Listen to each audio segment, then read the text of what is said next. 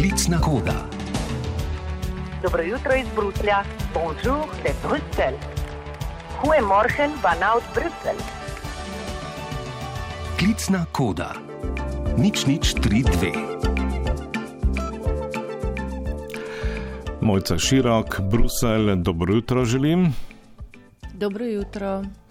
Morda začneva na tej praznični strani, kakšen je velikonočni ponedeljek pri vas v Belgiji oziroma natančneje v Bruslju.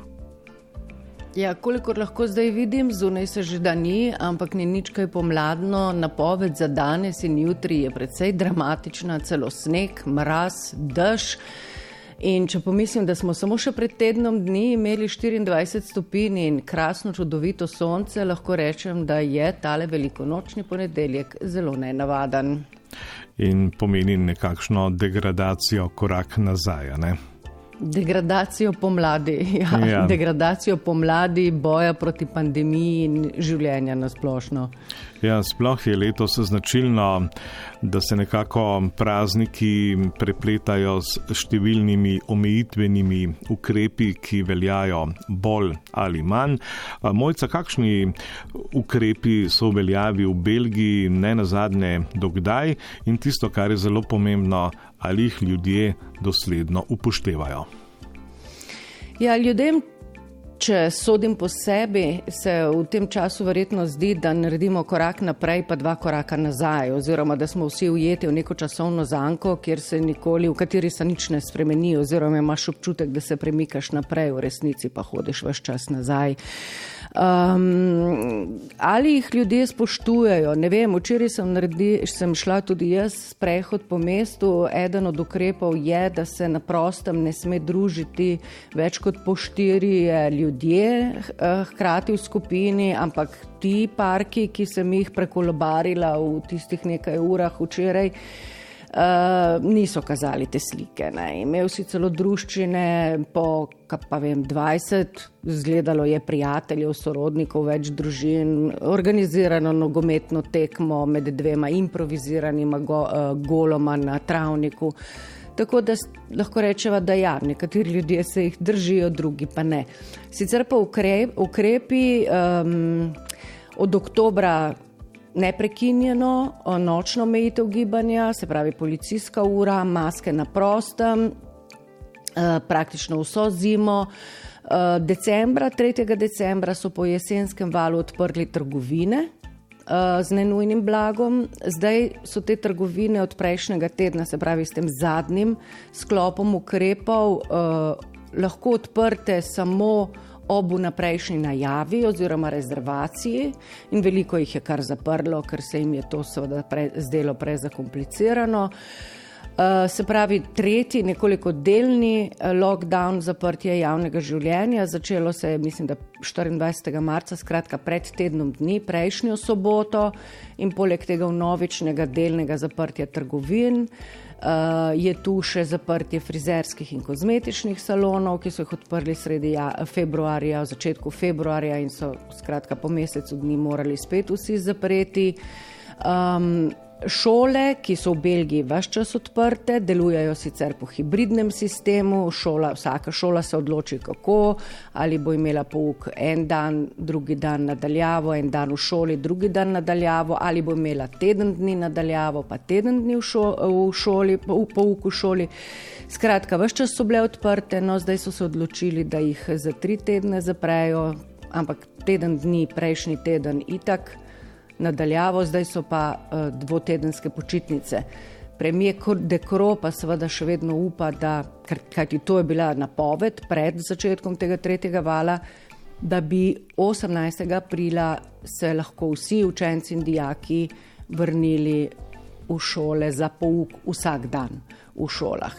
Dr, uh, kar se pa tiče barov in restauracij, je ta datum, zaprti so namreč že od 3. oktobra. Uh, 1. maj, da bi skratka 1. maja lahko začeli odpirati tudi lokale. Tukaj ni bilo nič teras, pa tega, to je vse zaprto od oktobra. -huh. uh, se bo pa jutri zgodil en korak naprej na področju cepljenja, namreč v Belgiji se lahko od jutri naprej za cepljenje prijavijo vsi. Tako je, zdaj kako dejansko bo to potekalo, seveda ni še. Um, Ni še popolnoma jasno, ampak ja, rezervacijska lista se lahko začne polniti od jutri naprej. Kdorkoli, ki bi želel, se lahko prijavi in uh, potem bo seveda čakal, ali kdaj ga bodo povabili na dogodek, ne? Se pravi na cepljenje. Belgija se je podobno kot Slovenija odločila, da najprej cepi najstarejše, najbolj ranljive, na to pa zdravstveno osebje in potem seveda po neki drugi prioritetni listi še vse ostale. Um, in to je zdaj zaenkrat, bi rekla, poteka precej uspešno, če lahko sodimo vsaj po, po širjanju okužb v domovih za ostarele in seveda številu mrtvih, številu žrtev umrlih za to boleznijo. V prvem in drugem valu so bile razmere v domovih za upokojence oziroma za starejše občane dramatične. Zdaj je praktično ta številka, tako kot tudi v sosednji Franciji, zelo, zelo nizka. Um, se pa seveda povečuje število bolnikov na oddelkih za intenzivno nego s tem tretjim valom, ki je prinesel Belgija in tudi Francija, pa še prej Nizozemska, so seveda zelo blizu Veliki Britaniji. Pretok ljudi je Združenim kraljestvom je zelo gost in skratka bila je hitro tarča teh novih različic virusa, v prvi vrsti britanske in ta je potem povzročila to novo hitro širjenje virusa in zato so pač oblasti tudi presodile, da je bil potreben ta tretji sklop ukrepov. Zdaj pa še v eni rekapitulaciji velike zgodbe, za katero pa se je potem vendarle zdelo kot nekakšen vihar v kozarcu vode. Namreč pet let po razkritju Panama Papers, belgijska državna blagajna nekako sporoča, da je uspela pobrati za 30 milijonov utajenih davkov mojca. Je to uspeh ali zgolj neka kaplja v morje? Ja, mislim, verjetno je kaplja v morje, če pomislimo, koliko je utajenega denarja povsod po svetu. Ne. V primerjavi s Slovenijo se mi pa zdi, da je verjetno za belgijske oblasti tudi to nekakšen uspeh. Ne. Nasplošno pa sicer po vsem svetu na podlagi teh papirjev so uspele davčne uprave različnih držav pobrati uh, okoli milijardo.